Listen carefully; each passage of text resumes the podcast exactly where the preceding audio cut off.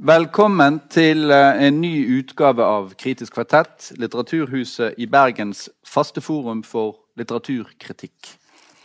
Eh, I dag så har vi eh, som vanlig med oss fire bøker, og vi har som vanlig med oss et panel, deriblant en gjest. Denne gang Live Lund, som da til vanlig skriver i Morgenbladet og BLA, Bokvenns litterære avis. Hva er det det betyr? Eh, alle sier litt Alle er forvirra om det er ja. litterære eller ja. bare litterær, og det svaret er at det er litterær avis. Ja. Mm. Uh, vi, vi, kan holde oss til BLA. Og så uh, har vi da uh, faste panel. Relativt fast, da. Elisabeth Frøysland Pedersen, som er vår faste vikar for Karina, som er stadig vekk i Mexico. Og så har vi da, og som skriver i Morgenbladet. Og så har vi Eirik Vassenden eh, og meg selv fra Universitetet i Bergen og her og der. Eh, bøkene, kan, Vi har dessverre ikke med oss alle disse fysiske eksemplarene i dag, men eh, vi, dere må høre nøye etter nå, da. Hvis vi klarer å lese disse vanskelige navnene og titlene.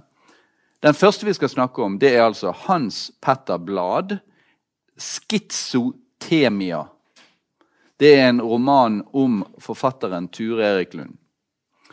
Og så har vi en som vi ikke har fysisk, nemlig Sunniva Ly Akselsen, eventuelt Lye Akselsen, Invictus. Eh, og så er det da eh, Marike Lukas Reinevelt, eh, 'Kveldens ubehag', altså en nederlandsk eh, roman. oversatt av Hedda Vormeland. Og også en Hedda Vormeland-oversettelse. Ilja Leonard Pfeiffer, som noen av dere kanskje så på Bergen internasjonale litteraturfestival, eh, og som har fått et internasjonalt gjennombrudd med denne Grand Hotell Europa, som vi tar til slutt i dag. Vi begynner med Hans Petter Blad, Eirik. Ja det gjør vi. Dette er jo da en, eh, en, eh, en tynn liten bok på ca. 150 sider. Det er jo en velsignelse for oss. Herlig å lese en kort roman, særlig etter å ha lest en, en lang roman. Uh, dette er altså en roman om Ture Erik Lund, en norsk romanforfatter. Romanen om Ture Erik Lund er skrevet av hans mangeårige venn Hans Petter Blad, som er altså er forfatter, dramatiker og regissør. Blant annet laget en film sammen med Ture Erik Lund eh, på det sene 80-tall. Det er en, en, litt underlig bok, tror jeg må si. En fortelling om et nært vennskap som begynner en gang tidlig på 80-tallet mellom to unge litterære wannabes i Oslo. Et vennskap som da gradvis vokser De vokser seg da inn i, i, i sine litterære ambisjoner på hver sine måter, disse to. Det går også veldig tydelig frem at dette er et såkalt skjevt vennskap. Den en, der den ene gir mer enn den andre, dvs. Si den ene lytter, og den andre prater.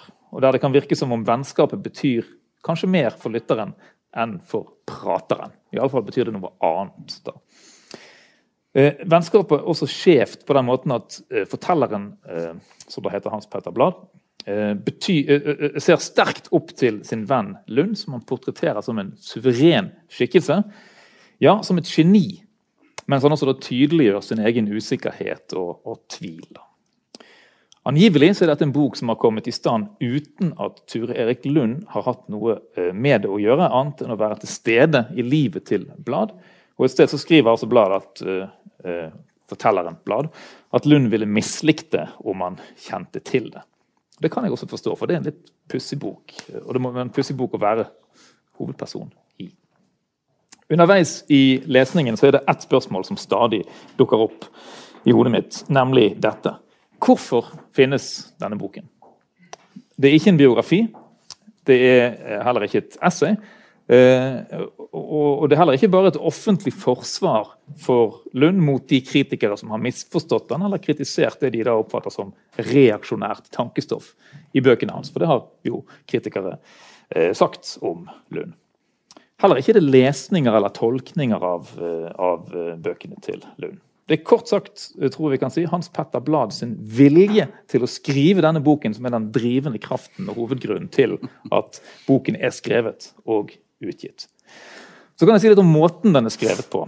Eh, og jeg kan begynne med å forklare tittelen. Skizotemia det er altså da et, et ord et, som betegner en fremstilling eller en samtale som stadig blir avbrutt av en forteller som introduserer nye temaer. Eh, altså en forteller som hele tiden avbryter seg selv for å si noe annet. Og Blad, eh, eller Blad sin forteller beveger seg da frem og tilbake i historien om vennskapet mellom disse to. Fra anekdote til anekdote. og Det skaper det vi kan kalle en sterkt urolig tekst som passer godt til å formidle den sviktende selvtilliten til fortelleren Blad da i omgangen med den eh, suverene venn Lund, som alltid da eh, har noe smart klokt å si. Dette litt sånn uselvstendige, eh, kan vi kanskje kalle det, understrekes også av at skrivemåten er, er egnet eh, eh, ja, og, virker å være påvirket av, av, Lund sin stil. Særlig gjelder dette for bruken av fremmedgjørende anførselstegn, som, som Blad stadig vekk da eh, bruker. På samme måte som også Lund gjør det i sine essays og, og romaner og i lange og snirklete setninger. Best er denne romanen faktisk når den forteller om forfatteren Lund, som åpenbart har levd et liv som, som på mange måter er en romanperson verdig. Sant? Som bonde, som snekker, som forretningsmann, som boksamler, som intellektuell, som bygdehistoriker, som fluefisker, som bilentusiast, som reisende. Og jeg kunne egentlig godt tenke meg å lese om dette livet i en helt streit fortelling en helt streit biografi. For Lund, Lund, virker jo også å være en interessant, ekstremt interessant eh, skikkelse. Og når Blad en gang iblant, altså sånn imellom alle avbrytelsene, kommer i gang med å fortelle, da syns jeg det skjer noe. Hver gang disse to vennene gjør noe det går an å fortelle om, da blir de til romanpersoner. Men så skjer det da gang på gang at det dukker opp en intellektuell referanse, eller det name-droppes eh, litt her og litt der. Og da synker interessen, og så blir de to til to norske forfattere igjen. Og det, eh, det, det er litt, faktisk litt eh, mer uinteressant. Men når han hele tiden da slår seg selv på munnen, når han stiller opp sin helt enormt store begeistring for og beundring for Lund, som det altså ikke er noen grenser for hvor genial er, ifølge romanpersonen og fortelleren Blad Når han stiller dette sammen med sin egen hyppige insistering på manglende, ja, sitt eget manglende, sine egne manglende ferdigheter, da, da er det ofte mer eh, pinlig, faktisk. Eh, jeg skjønner at dette er en viktig del av opplegget. altså Romanen handler om en, en venn som, som, som, eh, som, stiller sin egen uh, liksom sånn underlegenhet til skue. Uh, og det er en viktig del av det å skildre et, et sånt litterært forhold mellom to ulike venner. Men ja, i bunn og grunn så syns jeg ikke akkurat dette funker veldig godt som roman. Jeg skulle ønske det fantes en, en fortelling om denne romanskikkelsen Lund, for han er interessant. Men, men, det er ikke denne boken. Dette er noe annet. Vi spør en annen Lund. Jeg leser den nok litt annerledes enn deg når du etterlyser på en måte en renere fortelling om Ture Erik Lund. Og det er morsomt fordi boka har jo faktisk undertittelen 'En roman om Ture Erik Lund'. Men jeg tenker at det er en roman om Hans Petter Blad, egentlig. Og, og at det som jeg syns er søtt med, med, boka, for den er fremfor alt søt, er at, at han overidentifiserer seg så med bestevennen sin. Og, og, det minner meg veldig om tidlig i 20-årene, når jeg fikk en, en ny bestevenninne og var litt sånn forelska og, og, skulle ringe på på en bygård på Grünerløkka og hun heter Kaja. Så sa jeg Jeg ringte på og så sa jeg, 'Hei, det er Kaja'. og, og, sånn føler jeg Hans Petter Blad er med Tur Erik Lund. uh, ja. Hva med deg, Elisabeth?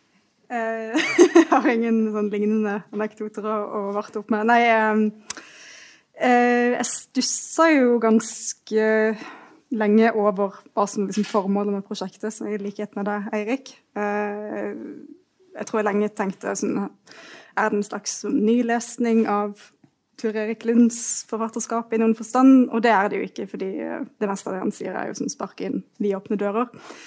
så er jeg også eh, jeg er enig i det at eh, det mest på en måte da, eh, interessante er jo å lese om Lund, da, på en måte. På den liksom, streite måten han veldig sjelden blir fremstilt. Eh, men det er jo liksom ikke måte på eh, liksom beundring. Nesten alt han foretar seg.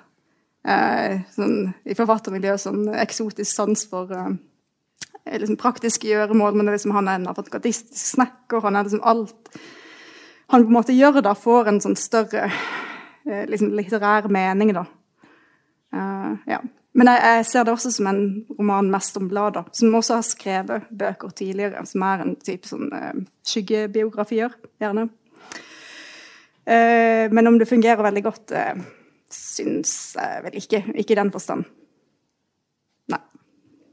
Ja, for dette valget med altså jeg tror En av nøkkel her ligger i dette valget av fortellermåte. Som også da er blitt tittelen på romanen. Sant? Altså at det hele tiden handler om en sånn refleksjonsrekke som begynner på nytt, og som bryter av, og som setter i gang noe annet. og sånne ting, Som, som også liksom da portretterer fortellerens usikkerhet eller eh, selvfølelse. Eller, jo, eller men det, er også, det, det, der er jo også et uttrykk for eh, Blads eh, ambisjoner på sin egen skrifts vegne.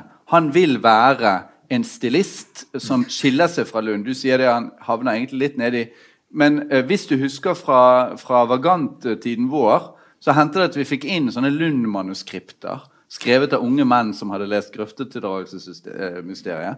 Eh, og der var det helt akkurat som å lese Lund. Det var sånn helt sånn eh, helt eh, bisarre tekster.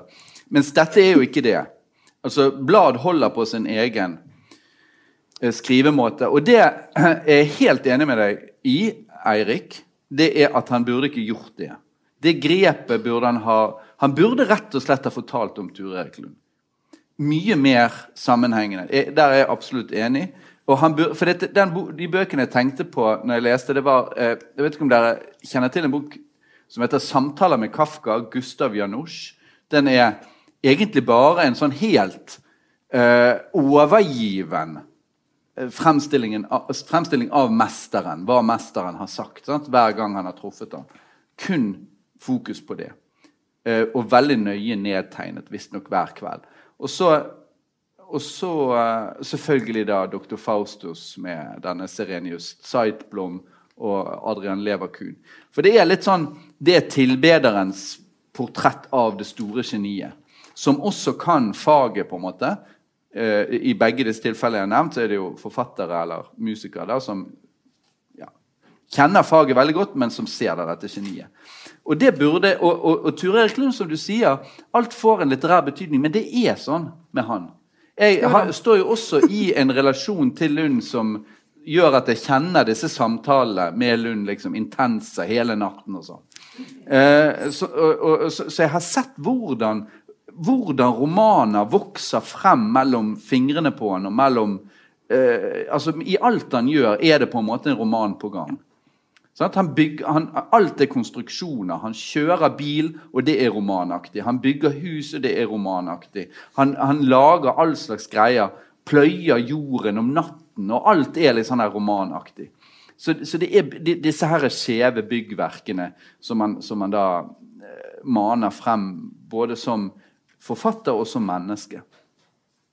Det, det, burde rett og slett vært større fokus på det, og da, og da kunne denne vært rett og slett en ren hagiografi. Og det hadde vært en bok som jeg ville gjerne ha lest. Mm. Men altså, når, når, det er sagt, så, så syns jeg at, uh, at, jeg er glad for at denne boken fins. Den interesserte meg hele tiden. Uh, og jeg følte nok at han har noen innsikter. Du sier slå inn Sparker inn.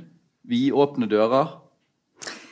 Ja. Uh, jeg mener ikke da den delen som du refererer til, på en måte hvor han tolker liksom hva skal vi si, liksom hverdagsmessig veldig liksom, litterært. Jeg mener ikke den. Jeg mener når han eh, liksom sier nå setter jeg meg og leser en tekst, hva skjer i setningene, det skjer noe med primtall. Det syns jeg ikke fungerer. Nei. Men jeg kan okay. gå med på at ja. Eh, men du får et innblikk i Lund som eh, Du får en god del informasjon og bilder og anekdoter om Lund som hjelper deg til å forstå litteraturen hans, som ikke fantes fra før, etter mitt syn iallfall. Så beskriver han jo rom og steder og, og scener og omgivelser som jo fins i Lunds andre, altså i Lunds egne romaner. Sant? Altså eh, gården på Østmodum på østsiden av, eh, av Tyrifjorden der, f.eks. De scenene er ganske fine. Når han skildrer liksom, hjemme, hjemme, hos Lund i skrivestuen og, og, og de der.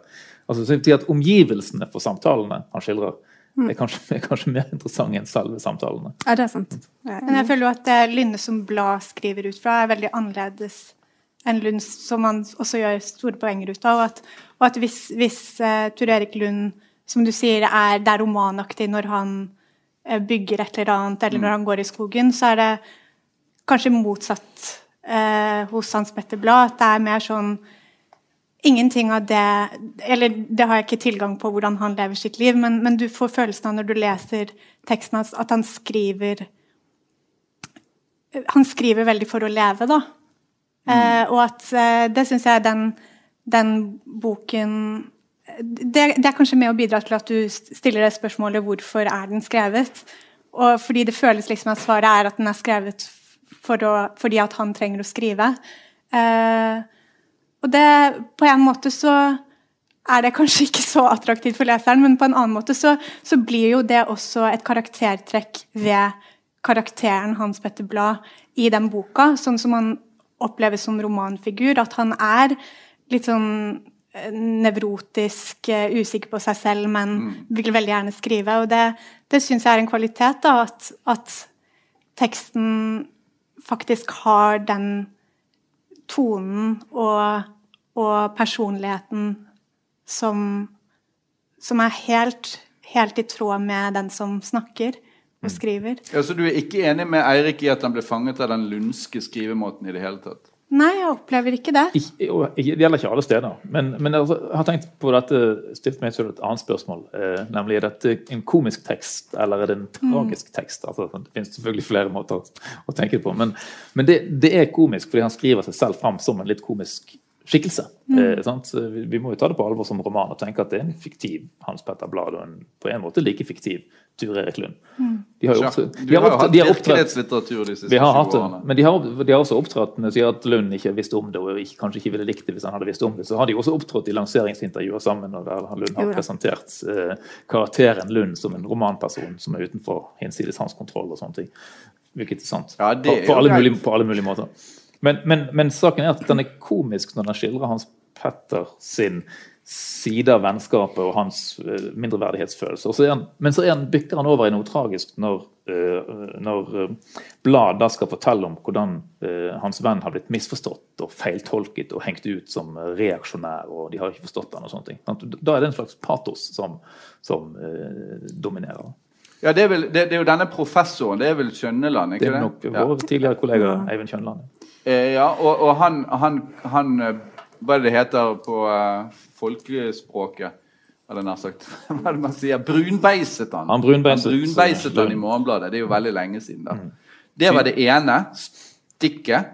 Det andre det var Kenneth Moe i Aftenposten, som kalte han for en bygdetulling.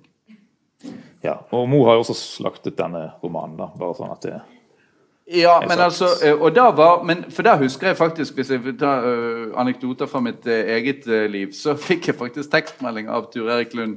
Da, den der, Mo da var han opprørt, rasende, fortvilet. og At han skulle måtte gå igjennom dette med å, å være bygdetulling i Norges største avis, eller mest leste avis. jeg vet ikke. og det, det, er jo klart at det, det ligger et sånt element av Altså, jeg jeg, jeg syns Blad er relativt troverdig når han fremstiller den der blandingen av beundring for Lund, som alltid har blitt anerkjent som en stor uh, forfatter i den forstand at han skriver et, et energisk, egenrådig språk som ingen andre kan gjøre han etter, og som er helt særegent, men samtidig at han ikke er som oss. Han er ikke liksom normal i hodet. Han, han, han, klarer ikke å tenke ordentlige tanker. Alt er egentlig bare et slags rør. Uh, og sånn. Uh, og som er kanskje litt sånn borgerlig nedlatenhet mot dette her er Østmodum og litt sånn uh, ja, bygdeaktig, og kanskje litt sånn halv tateraktige, da. Ved, ved det der lundske. Sånn at eh, det, det, tror jeg er, det tror jeg er en sånn gjennomgangstråd i resepsjonen. Så, så, Som blad kan ha rett i. jeg vet ikke. Ja, At den er hyllet på feil premisser, på en måte. Ja, og at det er iblandet en viss forakt. Ja, at man ikke tar den helt på alvor som samfunnstenker. Da. Ja, bladet er jo veldig opptatt av det der at kollegene hele tiden, når de snakker om Lund, så skal de alltid, alltid trykke han litt ned Ja. overfor Hans Petter Blad. Han er avantgarde og eksperimentell, men Ja. på en bondsk måte. Sant? Det er den der eh, eh, som man åpenbart reagerer på. da. Eh, Ja. Men også, sant? han skriver eh, originalt og, og ulikt alle andre. Men vi forstår ikke hva han egentlig holder på med. Sant? Altså Det er en sånn dobbelthet i, i, i komplimenten, og det, det, tror jeg, det tror jeg nok sikkert at Blad har rett i. ja. Mm. Ja. Ja, og så er det jo, altså, Men så har han jo et lite triks der, for han sier det at det, han, Lund vet egentlig mye mer, men han kan ikke si det. og Han, han har lært seg å holde kjeft om liksom det han egentlig, de innsiktene han egentlig sitter på. Litt sånn som Platon i sin tid. Uh, det, det siste skrittet ut i erkjennelsen, det får du aldri. Så der, der vet uh, Lund å holde munn. Og dessverre så får vi ikke noe mer uh, om det i denne, denne romanen. Samtidig, den dagen Lund ikke lenger er et misforstått geni, så mister han kanskje liksom minst halve leserskaren. Tror du ikke? ikke det er noe av appellen for mange også? At han blir liksom hunsa i borgerpressen? Ja, du kan si det at det ligger litt i geniets vesen å være misforstått generelt. Et 100% gjennomsiktig geni er sjelden. Og uinteressant. Det er ikke et geni. Er vi ferdig med, med denne? Ok. Tror kanskje det. Ja. Da går vi videre til eh, neste bok, og det er altså 'Invictus' av eh, Vi sier bare Akselsen, vi. Akselsen. Ja. Ja, Sunniva For å si det. Sunniva Ly Akselsen. Hun eh, Da vi, vi skulle lage en, en kåring i blad for et par år siden av norsk samtidslitteratur 'Skjulte perle'. Og da viste Gunstein Bakke oss til Sunniva Lie Akselsen. Det var sånn jeg først ble klar over at hun fantes i det hele tatt. Og jeg tror det er betegnende for henne at hun har fått ganske gode kritikker og er litt sånn forfatternes forfatter, men har ikke hatt noen stor gjennombruddsroman. Um, men eh, om Invictus, som er hennes sjette bokutgivelse, er en perle, skal vi diskutere. Uh, Invictus har i hvert fall fått tittelen sin fra et dikt av den britiske poeten William Ernest Henley fra 1888. Og Invictus betyr noe sånn som uinntagelig eller ubestikkelig. Uh, ubes umulig å beseire. Og de siste linjene i diktet er ep epigrafen til Akselsens roman. Eh, I am the master of my fate, I am the captain of my soul. Men jeget i romanen er veldig langt fra noe opphøyd eh, diktergeni, apropos eh, Tur Erik Lund. Eh, hovedpersonen heter Hugo Nørve og er, eh, bor i tolvte etasje på en kommunal bolig som han og, og hans medbeboere kaller for Slottet. Han er der fordi han har eh, store alkoholproblemer, men han, men han føler seg bedre enn alle de andre. Og er en slags selvutnevnt vaktmester på huset. Eh, intrigen eh, kommer med at havnivåene stiger. Eh, dette her oppleves som en litt sånn dystopisk eh, sjangerbrudd inn, inn i romanen, egentlig. Og det føles kanskje litt som at det er plassert der fordi noe mer dramatisk må skje. Eh, men, men det er i hvert fall ikke bare Hugo Nørve som, som føler seg litt på, på kanten. Eh, det gjør alle, alle i, i det her bysamfunnet som ligner på Oslo.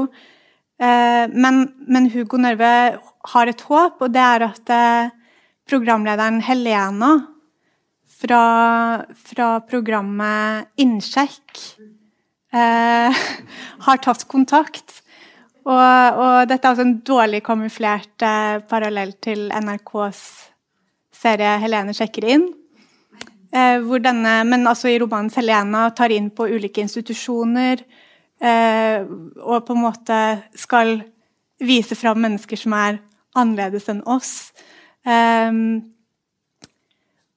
men, men, at hun skal komme til Slottet, da, det, det gir Hugo håp om at, at, noe skal forandre seg. og Han vil, han vil freshe opp eh, boligen, og kanskje skal alt gå sånn som det egentlig skulle vært hele tiden, og, og han skal få sin oppreisning. Eh, jeg har egentlig tenkt på hvordan det er et tema i alle de bøkene vi snakker om i kveld. Det der med, med hvem som forteller, og posisjonen man forteller fra. Og egentlig det der med geniet. Fordi Hugo Nøvre er så åpenbart en, en antihelt. Og samtidig er han en karakter eh, som jeg tror det er lett å få sympati med. I hvert fall var det det for meg.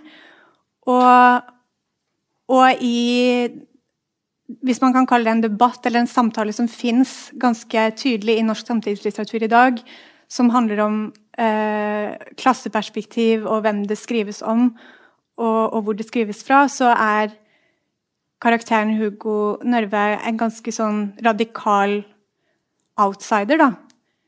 Eh, og det Tur Erik Lund er jo også for øvrig på en måte noe av det som gjør at man så lett erklærer ham som genial, er jo kanskje nettopp at han står utenfor, at han er en outsider.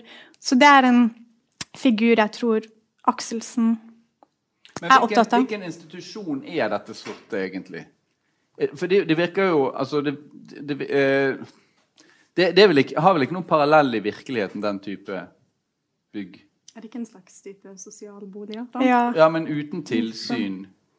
Ja, det, det, det fins jo grader av det òg. Opp, gradvis oppsmuldrende tilsyn i form av miljøpatruljen som har kontorene sine i første etasje, men som har sluttet å være patrulje.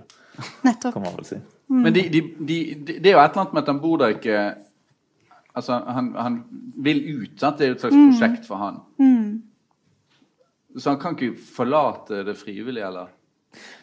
Han har vel ikke den leiligheten han en gang eide. Altså, det, er, det, er, det er ikke en veldig realistisk roman. Det er detaljer her som jeg, jeg ikke har. Og det kan man jo lure på om er et problem med, med boka òg. Eh, Kanskje vi skal spørre Elisabeth om det? Um, om det er et problem? Ja. Du kan få, du kan spør, du, vi kan spørre deg. Duger dette i det hele tatt? Um, jeg har egentlig notert meg at uh, av alle bøkene vi leser i kveld, uh, selv om det er en bok som jeg kommer tilbake til som jeg misliker mye mer enn denne, så oppfatter jeg det samtidig som at denne som den mest uferdige, på en eller annen måte. Jeg syns ikke den Hugo Nørve-stemmen får nok plass. da. Noe jeg syns er litt snodig i forhold til altså, sånn, Hvis det er prosjekter, da, på en måte, å gi en stemme til en sånn outsider, da, så syns jeg liksom intrigen som etter hvert får en sånn ganske eh, liksom, fiks vending, som jeg syns ikke hjelper romanen på en måte noe som helst. Da. Så Eh, eh, jeg, jeg, kan ikke si at jeg egentlig syns sånn er veldig vellykka. Jeg hang med altså sånn, eh, de første sidene. Da tenkte jeg ok, det er kanskje noe i dette blikket her på en måte som, som får noe til å skje, men det er noe med jeg er mer interessert i liksom, Hugo Narve som karakter. Da. For min del kunne liksom, nesten handlingen vært liksom, strippet og bare fått det sånn ja. Så ja, det er min så, så, når du sier de første sidene hang du med, hva, snakker vi om da? Ti, uh, eller? nei, det er jo kanskje 300 cirka uh, Nei da, kanskje mer sånn 30-40, på en måte, hvor du ender liksom i anslag og ja. Mm. Det, er, det, det er ikke nok, iallfall, nei. Jeg mener ikke den er liksom et uh, makkverk, men, uh, men jeg, jeg, kan ikke forstå at uh, ikke liksom, forlaget kunne gitt uh, et år til, og så utvikla den Du vet det som den. står i Hans Petter Bladsen bok, det er jo det når, når eh, bøkene skal gjennom disse her uh, skriveskolene og alle leserne og forlagene hele denne møllen, så kommer de ut, så er de sånn pyntelige Nei, bøker det- som er, hva- med gjenkjennelige Det, karakterer. det, det er kanskje den følelsen av, eh, som du sier, Livet, på en måte. En, en leser som Gunstein Bakke, som jeg jo stoler på, løfter på en måte det frem. Får meg jo til å tenke at hun har skrevet andre og bedre bøker enn denne. Dette er på en måte mitt første møte da, med Akselsen. Ja. Eirik? Ja, eh, altså jeg syns for så vidt at dette I utgangspunktet så syns jeg også at dette var interessant. Altså Nettopp fordi at den åpner med eh, altså den første en førstepersonsfortelling. sant? Det er hans perspektiv vi har. Og han er jo helt klart en forvirret eh, skikkelse som, ikke helt, som vi ikke helt vet Vi vet ikke helt hva forvirringen hans består i. Han forteller en historie som det ganske tidlig blir tydelig at vi ikke helt kan tro fullstendig på. Han forteller at han er en vaktmester, men de rundt i omgivelsene oppfatter han ikke, eller behandler han ikke heller helt som en vaktmester. Sånn, så går det frem gradvis at han er en slags selvoppnevnt vaktmester. Han er en sosial klient, han, som, alle de, som alle de andre. Sånn? Uh, og, og det er litt sånn, det, det, det drypper litt her og litt der. og Vi får vite litt og litt om hvordan dette egentlig henger sammen. og, og, og det liksom, Noe av det som, som er spenningen, eller skal være spenningen, er liksom avdekkingen av hvordan det egentlig henger sammen. Samtidig som det er da et sånt eh, ja, sånn dystopisk eh, verden, der vi også får vite gradvis litt og litt, men ikke så mye, om eh, hvordan havet stiger. Og så får vi se at det ligger en opera nede ved sjøen som knuser, og, og ting går i stykker og fryser det til. Og så er det, så er det liksom klimakrisen da, som, som får denne byen til å gå i oppløsning. Min innvending er at dette vage og litt sånn upresise og ukonkrete ved verdensbyggingen her eh, er, er ofret til fordel for en veldig sånn konkret tilstedeværelse. Altså personen er veldig konkret kroppslig. Eh, De, de går på fylla hele tiden, og de holder på og med sine, sine alkoholiserte og narkomaniserte slåsskamper og, og sånne ting. Så det er kroppslig veldig konkret, men verdensbyggingsmessig veldig abstrakt. Og det, det syns jeg er en, en klar svakhet ved denne boken. Altså, sånn, skal man lage en dystopi, så bør man vite hva man eh, vil med verden sin. Som, som Ursula Kelege eh, sier et sted. Hvis du skal lage et univers der det finnes en grønn og en oransje sol på himmelen, så må, du ha tenkt gjennom hva det betyr at det er en grønn og oransje sol på himmelen. Du må vite hva det betyr for klimaet på planeten. Du må vite hva det betyr for årstidene, for, for psyken til personene som bor på den planeten. Hva det betyr for hvordan husene må bygges i en planet. Hva det betyr at det er en grønn sol som er veldig uvanlig. og oran- altså, sånn. altså, Du må ha tenkt gjennom alt dette før du skriver en eneste setning. Og Her er det litt som om Akselsen ikke er så interessert i den verden som hun lager. Hun er mer interessert i det psykologiske spillet. og det, Der er det noe, da. Men ikke, sånn, ikke så mye i at det kvalifiserer til terningkast eh, seks, som Dagbladets anmelder ga dette. Altså, jeg er helt Men han er jo helt ute av kontroll. Han Tjøsteland. Tjøstheim heter han, Dagbladet Dagbladets anmelder. Han syntes det var fantastisk fordi det var rått og, og brutalt. Og det er det jo. Rått og brutalt. Men inni en ramme som jeg syns er litt sånn skissaktig, og derfor ikke helt interessant. Ja, men, men jeg vil bare legge til det du sier. altså Som dystopi er det viktig eh, Eller da som science fiction eller en egen verden som skiller seg fra vår. At den er gjennomtenkt. Men som satire, da, hvis den er det For det, det der, alt det der uh, sjekker inn-greien uh, Eh, det er jo en mediekritikk, en samfunnssatire. Og da, en sånn samfunnssatire er jo avhengig av både at den tar ting på kornet, at vi kjenner det igjen med en gang, og at vi kjenner det igjen som noe urettferdig, og at man har så å si to eh, poler. han har eh, de som da eh, Hvis, hvis eh, sak vi skal gjøre til vår, og så da de som, det, det som er gjenstand for satiren, i dette eh, tilfellet da det fjernsynsprogrammet, eh, og som da representant for storsamfunnet, på en måte, og blikket inn der. Men eh, når, ingen, når verken den institusjonen fremstår som virkelig, eller det TV-program altså, La meg bare si sånn rent sånn dramaturgisk. Du skal vente i to, over 250 sider før dette besøket som de maser om hele tiden skal komme. Det skal vi vente på i 250 sider. Så kommer det. Og så er det altså et antiklimaks uten like, etter mitt syn. Så, jeg, jeg, jeg er sterkt negativt innstilt til denne romanen. Jeg syns den lykkes i absolutt ingenting. Eh, Men eh, annet enn ok, det der rå språket, ja. Den er av og til litt grann morsom. Syns dere ikke at det er litt sånn skri- eh, skriver sånn, når han ene sier sånn Det er veldig kjedelig når alle snakker om klimaendringer, mens liksom havet stiger på. litt morsomt. Akkurat det morsomt. For det er jo sant, på en måte. Hva sier du, Live? Nei, jeg, jeg ser Det er hold for alle de innvendingene. Og, og, men jeg, jeg tror jeg bare ble såpass overbevist av utgangspunktet at, at jeg var med på turen, da. Uh, jeg, men jeg synes, Nå har jeg ikke lest masse Akselsen tidligere heller, men jeg har lest noe. Og, og jeg syns at det er en kvalitet ved det hun skriver, som er litt sånn sleivete og uferdig og, og usannsynlig, urealistisk, som jeg setter pris på. Eh, og at jeg tror den romanen her ga meg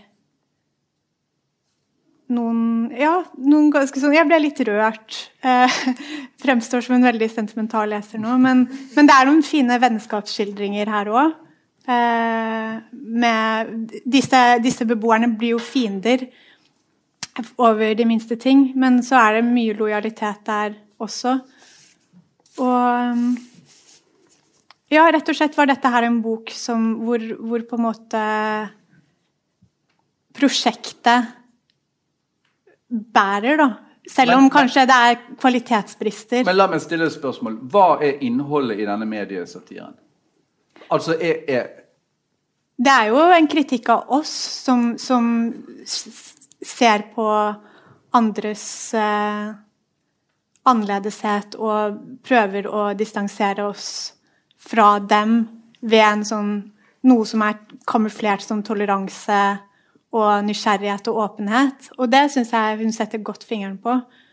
Altså, Bare ordet toleranse er altfor for mye brukt i norsk offentlighet i dag. fordi toleranse fins jo egentlig ikke. Med en gang du sier at 'jeg er tolerant', så sier du egentlig at du ikke er, at du ikke er det. Ja.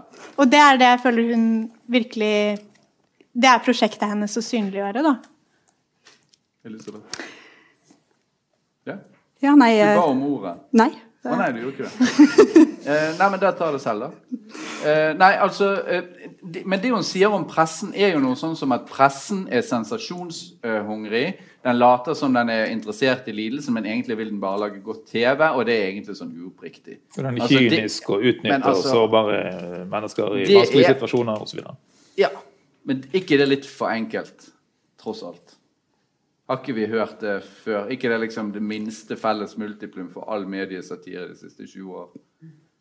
Ja, er det det? Jeg føler ikke det. Man, at den er sensasjonsjaga, ja, men at man problematiserer det, den eksotifiseringen nesten da, av, uh, av egentlig folk som er Det er jo ikke helt uvanlig å slite, liksom. Men, men på disse her, særlig en del av de NRK programmene hvor du har en veldig sånn uh, tilstedeværende programleder som eh, filmer seg selv og sine egne reaksjoner når de liksom gråter på bakrommet fordi det gjorde så sterkt inntrykk å møte den pedofile personen som, som også var et menneske. liksom. eh, jeg syns ikke jeg har sett satire eller, eller så veldig refleksjon rundt det. Men, eh, men altså, la meg bare si at jeg ikke er uenig i poenget til den satiren. Men jeg bare mener at det er, er gammelt nytt. Men det er han der eh, britiske dokumentarfilmskaperen Louis Theroux. Theroux ja. Det er han som begynte med det ekstreme, det der med mm. du skal se hans reaksjon hele tiden. Litt sånn. Mm. Eh, noe av det som jeg tenkte på en måte, når jeg enda var liksom, å, nysgjerrig på hva som kom til å skje, at jeg syntes det var liksom, interessant med den skikkelsen som Eh, at også i en blokk som det, så har man på en måte et hierarki. da. Og han er en selvutnevnt vaktmester fordi han føler han på en måte har mer orden i sysakene enn de andre i blokka. da. At det var et poeng som kunne vært liksom gjort mer ut av, i stedet for at det liksom skal snus på hodet, og så ja, skal vi røpe ja, bare liksom, sånn, vei. Uh, ja, altså Han er jo liksom forstyrret, viser det seg. Og, altså, sånn, de trengte ikke ha kjørt ut på den måten. Kunne man ikke bare state at han øh, føler seg liksom øverst i hierarkiet i blokka. Mm. Ja. Ja. Som er, liksom, mer enn det er jo troverdig nok i seg sjøl at ja. man har det. Ja. Helt enig. Det. Det er usvak, svak, eller ulempen med å, å, å, å forsøke å, å skrive frem da, et sånt sinn i en førstepersonsfortelling. Ja. Sant? Eh, At det gir noen Altså, det, det skjer noe der, men så er det også eh, så er det, også, så, så, det er jo også vanskelig. Sant? Det er også vanskelig å lage en sånn troverdig eh, jeg-skikkelse som balanserer helt liksom, på en sånn eh, litt sånn forskrudd eh, virkelighetsforståelse. Da. Ja, så bare for å presisere. Det er, jo, det er jo det at man ikke tror på den boligblokken der i det hele tatt som er problemet. Da, da, da faller jo alt. Men jeg syns den setter tonen såpass tydelig som å ikke være en, en realistisk roman. Jeg syns det er noe veldig sånn eh, legoby med det her universet som, som jeg kjøper, da. Ja, man kan lese det som en, da må man lese det som en idéroman på et eller annet vis. Da, sant? Og da er det liksom da eh, eh, sosial Eller så å si, eh, velferdsstaten som har smuldret opp. Eh, operaen ryker eh, ganske tidlig, og så er det da liksom eh, denne blokken som, som til slutt også raser sammen. Det er bare noen få som overlever, for til slutt så tar jordskredet dette. Og, og de 12-13 etasjene som det her er snakk om, der finnes liksom alle sosialklienter av alle typer, fra de senile gamle til junkiene, alkoholikerne og, og så videre. Sant? Så det er liksom et sånt, det er liksom et slags sånt, en miniversjon da, av omsorgssamfunnet sant, som, som kollapser. Men, men det er litt lite effektivt, også som idéroman, syns jeg kanskje. Og, og da er det enten den der velferdsstatskonstruksjonen som eh, smuldrer opp, eller mediekritikken som liksom da hoved, hovedideen da, som, som skal diskuteres. Og ja, det er noe, det, det, Den er litt, litt, litt effektiv, og, og selv om det ikke er realistisk, så må vi jo tro på det på en eller annen måte. Det, det er nettopp det at Når jeg sier tro på det, så betyr det ikke nødvendigvis at du mener det skal være realistisk. Ja, men at jeg kjøper det da kanskje heller. Ja. På, en, på et eller annet slags plan. Men vi, vi må haste videre, jeg er redd. Uh, eh, vi, tiden går fra oss. Vi må over til neste bok. Vi konkluderer med at uh, mange er mer negative enn livet. Eh, ja, eh, det var eh, Rinevelt, sant? Ja. Ja. Uh, Rineveld. Ja, vi har eh, dessverre ikke noe fysisk eksemplar å vise frem i kveld. Men Men, de, eh, den, er, de, den er jo forkjøpt nede i eh, den er forkjøpt i boksalongen, har vi hørt rykter om. Eh, Men 'Kveldens ubehag' er altså debutromanen til nederlandske Marike Lukas Reinevelt. Eh, Boka er oversatt til norsk og Hedda Wormeland og har fått mye oppmerksomhet internasjonalt etter at Reinevelt vant den internasjonale Booker-prisen i 2020, som vel den yngste mottakeren av prisen noensinne, så vidt jeg har forstått. Eh, Handlinga i Kveldens ubehag er satt i en bondegård i den landlige delen av Nederland, hvor tiårige Jas, som altså er den som forteller, bor med tre søsken og sine strengt religiøse foreldre, som gjør sitt beste for å skjerme barna sine mot uheldig påvirkning utenfra, eh, ofte forstått som impulser fra byen på den andre siden av elva. Eh, I anslaget til romanen som nærmer seg jul, eh, julemiddagen skal tilberedes, og Jas overhører da en samtale mellom foreldrene som umiddelbart får henne til å frykte for eh, kaninen sin, som hun altså mistenker faren for å prøve å feite opp før julemiddagen. Eh, I sinne over at hun ikke får lov til å være med eldstebroren Mathis og gå på skøyter på den lokale innsjøen dagen etter, ber hun samme kveld til Gud om at han må skåne kaninen, eh, og i stedet la broren dø, som hun i et sånn innbilt dilemma måtte ofre en av de to. Eh, Dagen etter får da også familien beskjed om at Mathis faktisk har gått gjennom isen og drukna. Og Jazz konkluderer da med at hun har en sånn eh, direkte skyld i dødsfallet gjennom måte, å, å byttehandle med Gud. Da. Eh, kveldens ubehag er først og fremst en vil jeg si, nådeløs skildring av eh, de voldsomme konsekvensene av dette dødsfallet. Eh, særlig om den tausheten som følger, som splintrer etter hvert familien. Etter begravelse blir Mathis navn nemlig ikke nevnt mer i familiesammenhenger. Og søskenflokken blir liksom gradvis overlatt mer og mer til seg sjøl. Og sine stadig mer voldelige leker, som følger av at eh, både mor og faren lukker seg inn i seg sjøl. Ettersom de da er liksom paralysert av sorg rett og slett til å registrere hva barna holder på med. Senere kom det også fram at foreldrene føler skyld for dødsfallet. Ikke fordi de har gitt Mathis lov til å gå på skøyter på isen, som viser seg å være utrygg, men fordi de forestiller seg at Gud har straffa dem for at de en gang for mange år siden har eh, tatt vekk et foster, som det heter i romanen, da mora ble gravid utenfor ekteskapet. En handling de også forstår eh, senere i utbruddet av munn- og klovsyke på gården, som gjør at alle dyra må tvangsslaktes som en direkte konsekvens av. Eh, Jas reagerer på alt dette med å nekte ta av seg ytterjakka. Eh, jakka blir både på en måte en slags rustning eh, og et sånn eh, Egentlig da det mest bærende bildet i romanen. På en veldig sånn enkel, egentlig effektiv måte, da, som understreker også liksom eventyraktige skjæret eh, med fortellingen. Dette gjør hun da ut fra en overbevisning om at hun vil glemme sin bror. Hun mottar av seg jakka, og hun utvikler også en sånn kronisk eh, forstoppelse som blir beskrevet i veldig eh, sånn lange, dvelende scener.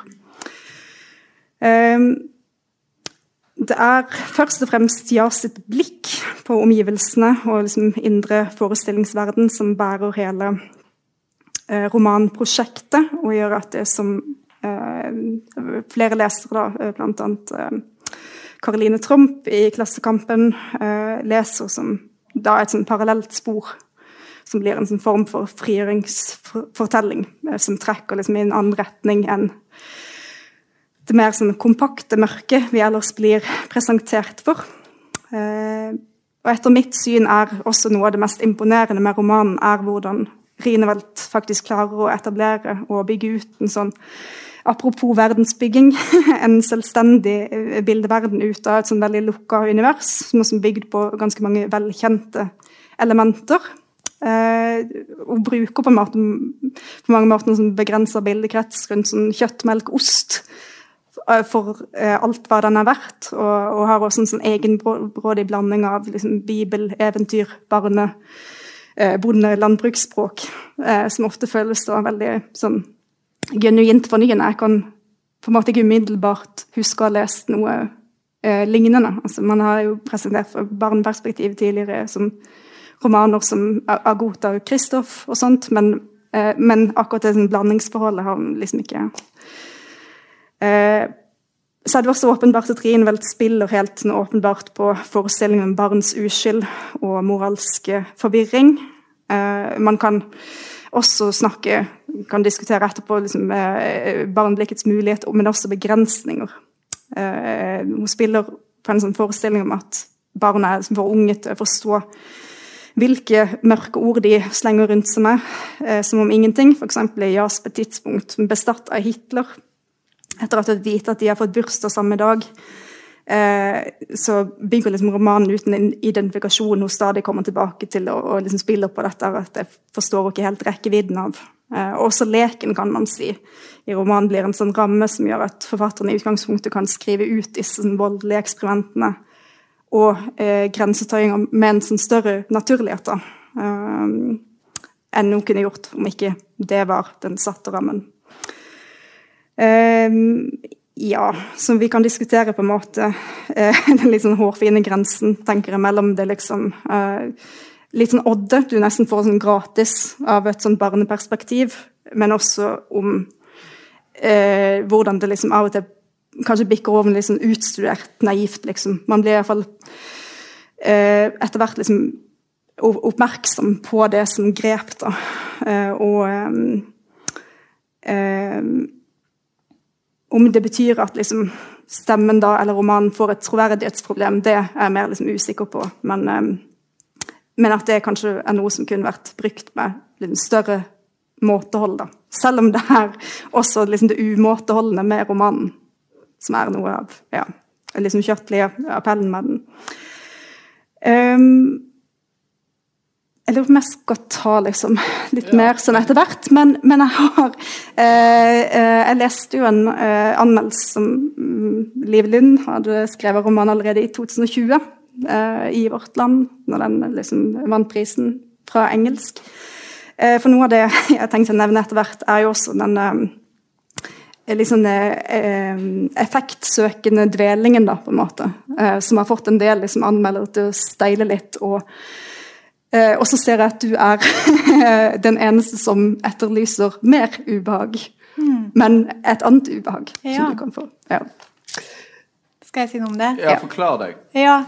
Eh, jeg synes, Det er en veldig imponerende bok, men den har blitt veldig hypa, så det er fristende å liksom se, se veldig kritisk på detaljene. Og, og det, det er en setning som det er en prest i romanen som sier til hovedpersonen ja, så det er at i ubehaget så er vi ekte. Eh, men Og det er en veldig ubehagelig roman, men det som skjer, er at helt fra første side, før ulykken har skjedd, så, så blir vi kjent med en forteller som Ja, det er noe med det barneblikket som hele tiden assosierer, og det er det jeg syns er litt hypert. Det er sånn eh, Meitemark er akkurat som lakrissnører. Eh, nuppene i huden på søsteren er akkurat som legoklosser. sånn eh, assosiasjoner som er poetiserende eh, på en, på en litt eh, overdreven måte. Og sånn som jeg tolker det, så, så er det kanskje det at barnet ikke klarer å helt håndtere det traumet det har opplevd, og derfor assosierer det seg hele tiden vekk fra noe ubehagelig til noe ikke så ubehagelig, men allikevel passe ubehagelig. Sånn som du nevnte, den forstoppelsen, men det er også veldig mye sånn at hun spiser sine egne buser, og den type ubehag. Men jeg syns ikke romanen går veldig dypt inn i det egentlige traumet til oss. Og de, de store spørsmålene omkranser på en måte romanen, men den går ikke inn i de. Eh, Og det er jo sånn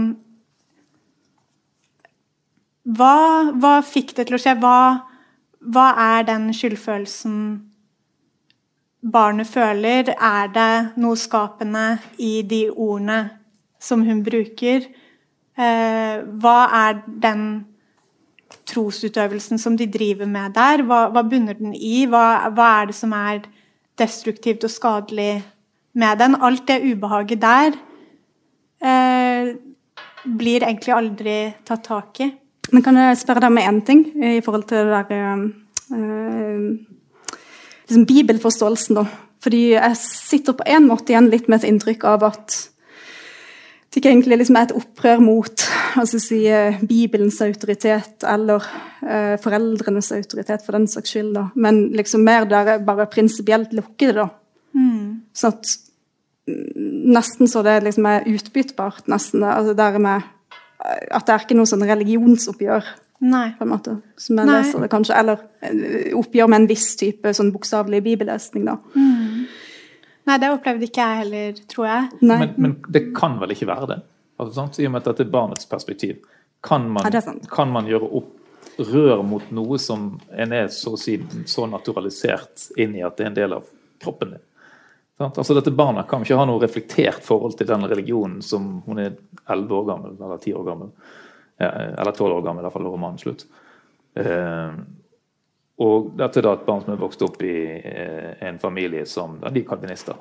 Eh, ekstremt, som, som 14% av Nederlands befolkning eh, slo det opp til i dag. Ekstremt strenge og, og, og, og ja, inn, altså en, type, en type autoritet og indoktrinert eh, indoktrinerte levemåter som, som det for dette barnet jo må være umulig å se fra utsiden. Sant? Og, og, og For meg så er noe av det interessante, eller noe av det, noe av det som, er, som jeg syns eh, fungerer veldig godt her, er at vi får en sånn kollisjon da mellom eh, På den ene siden da eh, de voksnes figurlige tale. Voksne sier ting. Og så oppfatter barn det bokstavelig. Og så gjør man det. Sant? Eh, og og det, det religiøse språket som de er oppdratt i her, det har et veldig sånn vagt en vag distinksjon mellom det bokstavelige, fundamentale, og det der eh, eh, figurlige. Altså skal, hvor, hvor bokstavelig skal man tolke budene? Eh, for barna så er det jo naturlig å, å tenke at alt, alt hører til innenfor samme Alt har samme gyldighet. Alt er like strengt. sant? Fars eh, bud med middagsbordet, mors beskjed om å spise i en bestemt rekkefølge, har omtrent samme autoritet som som bibelbudene, gammeltestamentlige verdiene. Ja, Pluss at du da får en sånn magisk, eh, et slags magisk element inn i tilværelsen hele tiden. At det du sier, det henger på mystisk vis sammen med alt mulig. Det du gjør, selv om det egentlig er ganske banale ting, det skal gjøres på en bestemt måte. Eller så kan ditt og datt skje. Og så begynner da hun og de andre barna å eksperimentere med andre sånne mulige sammenhenger. sånn at Som f.eks. har de paddene klar referanse til eh, landeplagene sant, i Bibelen. Og det, landeplagene er jo generelt et tema her. Eh, altså Guds straff, da, for å si det helt allment. Så har hun to padder som hun prøver å få til å pare seg, fordi at da kommer kanskje foreldrene til å pare seg igjen, og så skal de begynne å spise, og kanskje da eh, altså så, så, vil, så vil ting bli annerledes rundt henne. Og det gjelder også den ondskapsfulle leken som de eksperimenterer med. Det er jo også hele tiden i et sånt offerperspektiv. Man må ofre et eller annet, og da er det jo smerten og verdigheten og sånn. De ofrer hverandres uh, alt, alt det som er fint, det ofrer man for å, for å, få den forløsningen som, som de håper på at, at, foreldrene skal bli normale igjen. Men hvordan forfatteren går frem her uh, for på en eller annen slags måte å vise hvordan dette dødsfallet sprer en slags pest over hele dette gårdsbruket og hele denne familien, som dreper alt, hvor bare død sprer seg gradvis ut til den dekker alt. Det syns jeg er veldig uh, flott gjort. Og jeg syns den tausheten og konsekvensen av tausheten er veldig bra gjort. Og jeg syns også detaljene i denne verden som man bygger opp, som Elisabeth sier, er viser, det viser på mange måter det som jeg savna i den forrige romanen. Da, hvor her tror jeg på denne verden. Så hvis vi skal komme til innvendinger, så tror jeg at for min del så må det bli så må det bli dette med jødene i kjelleren og Hitler. Ok, Så hun har denne Hitler-assosiasjonen. Men akkurat det der at hun liksom tror at moren på en eller annen slags måte oppbevarer jøder i kjelleren for hun har sett henne bære med mat ned, og at det er stengt der nede og sånn. Det er bare fordi de er gniten. sant? Ja. De skal ikke spise den gode maten, så den skal gjemmes ned i kjelleren. Ja, ja. Det trodde jeg ikke helt på. At, at hun, en tolvåring tror at det bor noen jøder i kjelleren. Eller hvilken grad det egentlig funker. da. Man får en følelse at det er eh, liksom effektsøkende, da. Ja. Som jeg syns romanen kan være på sitt svakeste. da, At det, eh, eh, det ikke virker motivert i noe annet enn liksom ønsket om å eh, liksom sjokkere. da, på en måte. Det er jo noe med liksom, blandingen av barn og ondskap som vi Ja. kjenner veldig godt fra. Eh, men jeg syns også det er slående hvordan den eh, også på en måte er liksom sånn underspilt da, i forhold til det med eh, liksom foreldrenes taushet og reaksjon. da, altså eksempel det eh, veldige og sjeldne følelsesutbruddet som faren har eh, den dagen dyra må tvangsslaktes. da. Eh, altså Den insisterer jo på en måte på at sånn, sorg er ikke vakkert, sorg ødelegger alt. Det, mm. men, men den eh, pensler jo ikke ut eh, følelser av den typen. Der er den liksom mer tilbakeholden, da. Nei, ja, men Det er jo fordi at alt er eksternalisert. All Ja. sorgen den manifesterer seg i andre ting. Ja. F.eks. avføring er jo, et- avføring er jo et veldig påfallende motiv her. Eh, som et sånt mørke. sant? Det unevnelige. Ja, da, og et annet underspilt, et annet underspilt element og som derfor fungerer utrolig sterkt og skaper ja, et ubehag, da, er jo seksualiteten. Da. Eh, Fordi det ikke finnes noe språk for seksualitet i dette, dette veldig strenge eh, eh, lokalsamfunnet, så, så utfolder den seg på en måte som både er naturlig Altså søsknene som, som utforsker sin egen seksualitet med hverandre på stadig litt mer groteske og, og, og brutale måter, men som ikke vet hva det er.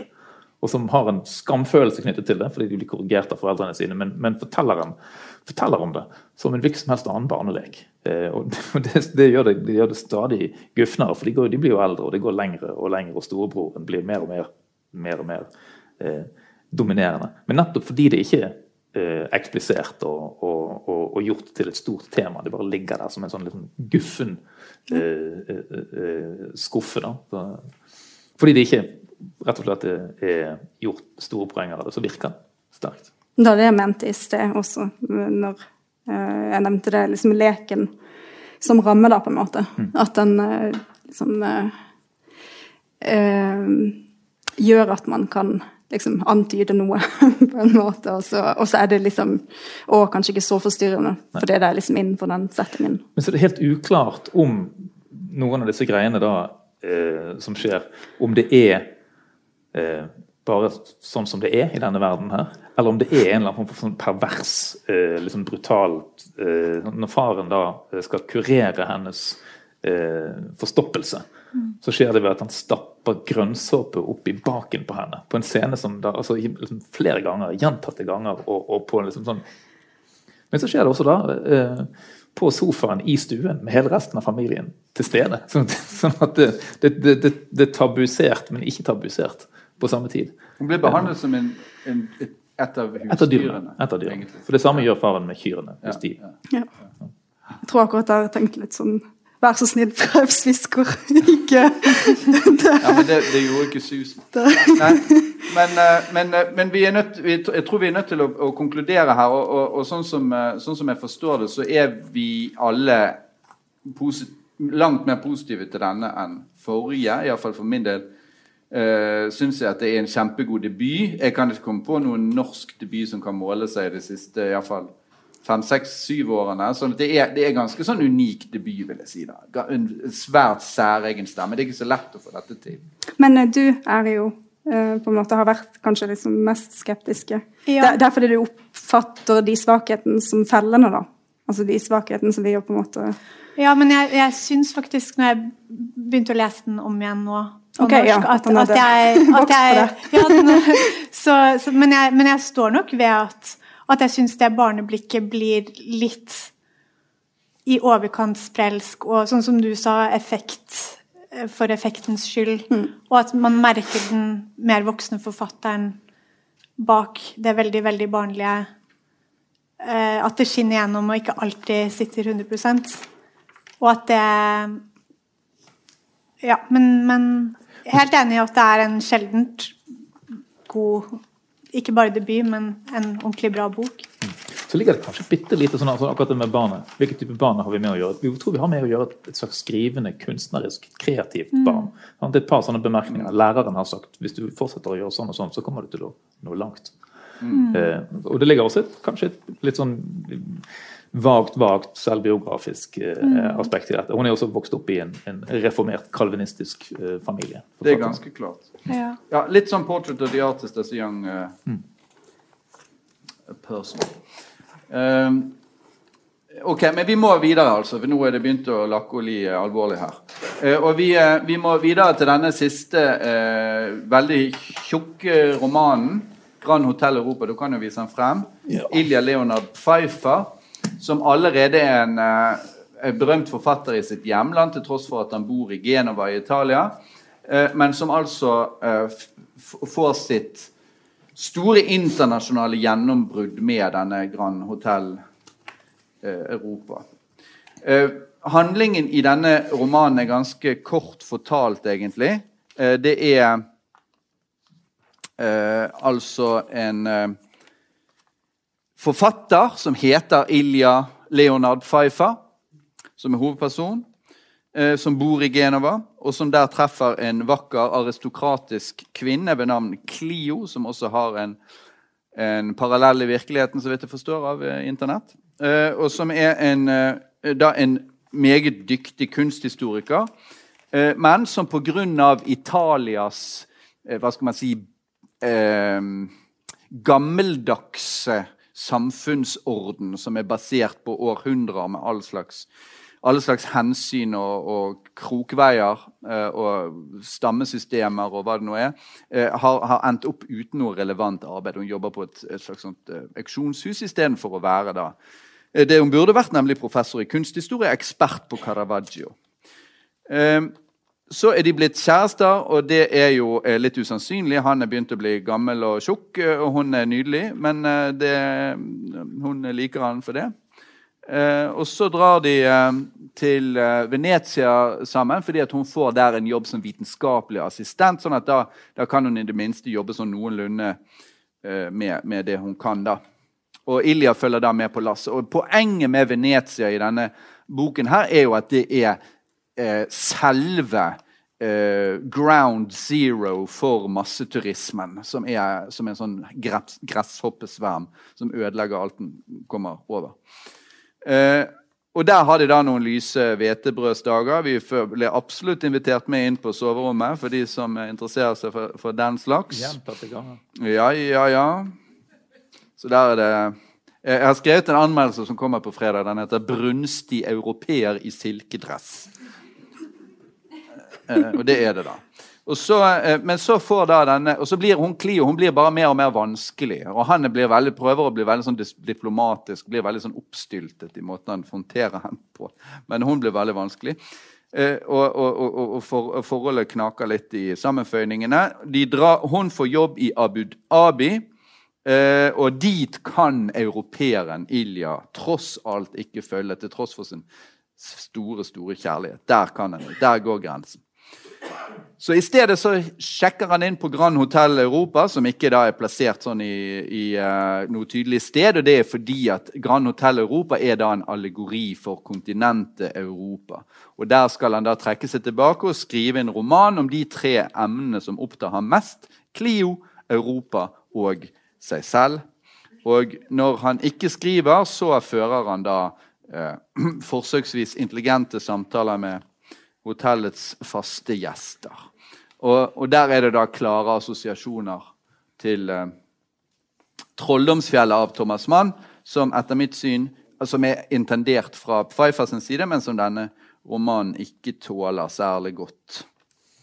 Så kan jeg lese opp til slutt da hva jeg har skrevet der. Den kommer på fredag. det er en slags sånn eh, preview. Leseropplevelsen kan sammenlignes med det å skulle sette til livs en overdådig amerikansk julekake. Mens du spiser, oppdager du stadig nye lag av marsipan, gelé, nøtteblandinger, syltetøy og kremer. Og selv om du egentlig har fått nok allerede etter få munnfuller, klarer du liksom ikke helt å stoppe heller. Og så skriver jeg at det er fristende å fortsette denne analogien hele veien frem til det uunngåelige toalettbesøket. Men, eh, men det skal jeg la være med. Eh, Det er overlesset, pinlig og eh, eh, megalomant. Men mannen er jo ikke dum. Sånn at det er jo, det er jo intelligente eh, utlegninger her, og det er interessante, eh, det er interessante poenger om masseturismen som da kobles med migrasjon. Hvor det kort fortalt hovedpoenget er at med alle midler så vil alle stater i Europa, alle byer i Europa eh, fremme masseturismen i håp om å få et økonomisk fundament for en bedre fremtid. Eh, Men det de gjør, det er at de egentlig eh, inviterer inn sånne gresshoppesvermer som ødelegger det meste. Mens de prøver, alle sammen prøver å stoppe flyktningstrømmen som best de kan. Men det de egentlig burde ha gjort, var å tenke at flyktningstrømmen, da har du, arbeids, har du arbeidskraft, og du har en helt nødvendig forynging av befolkningen. Så det er der fremtiden egentlig ligger. Noe sånt, tror jeg. han Destillert. Så, så ja, det er en umulig roman, men den er ikke uinteressant. Jeg leste den ferdig. Jeg, kan ikke akkurat si at jeg kjedet meg, men jeg var flau og, og kvalm og litt sånn underveis. Ja. Det er en bok som det er utrolig fristende å bare følge opp med den listen med adjektiver som du begynte på. Jeg kan godt ha min liste etter pinlig og megaloman. Så har jeg tåpelig, gjentagende, imperialistisk, vulgær, kitschy, rasistisk. Du glemte misogyn. Ja. Hvordan kunne jeg? Men den er, den er liksom Ja, jeg måtte sende noen meldinger til Elisabeth når jeg begynte å lese den, og bare spørre om, om det var ment alvorlig, og det er jeg fortsatt ikke sikker på. Det er ikke lov på. å sende meldinger. Nei, men jeg er ny her, så jeg visste ikke det. Uh, men uh, ja, om, om det er meningen at den skal være han, han sier jo selv i romanen at dette kommer til å bli lest som kitsch, eh, men det må du hvis du skal skrive om de store temaene. Og han har jo Damien Hirst som, som sitt visuelle kunstforbilde, eller sin ekvivalent. Ikke bare Damien Hirst, men en helt spesifikk Damien Hirst-utstilling som var en kjempeflopp. Eh, noe sånn som eh, 190 statuer nede i Venezia, som var parallellutstilling til Biennalen i 2016 eller 2017. Eh, som het eh, et eller annet unbelievable Jeg tror jeg har skrevet det ned et eller annet sted her. Det, det er mytene senket i havet og hentet opp igjen. Uh...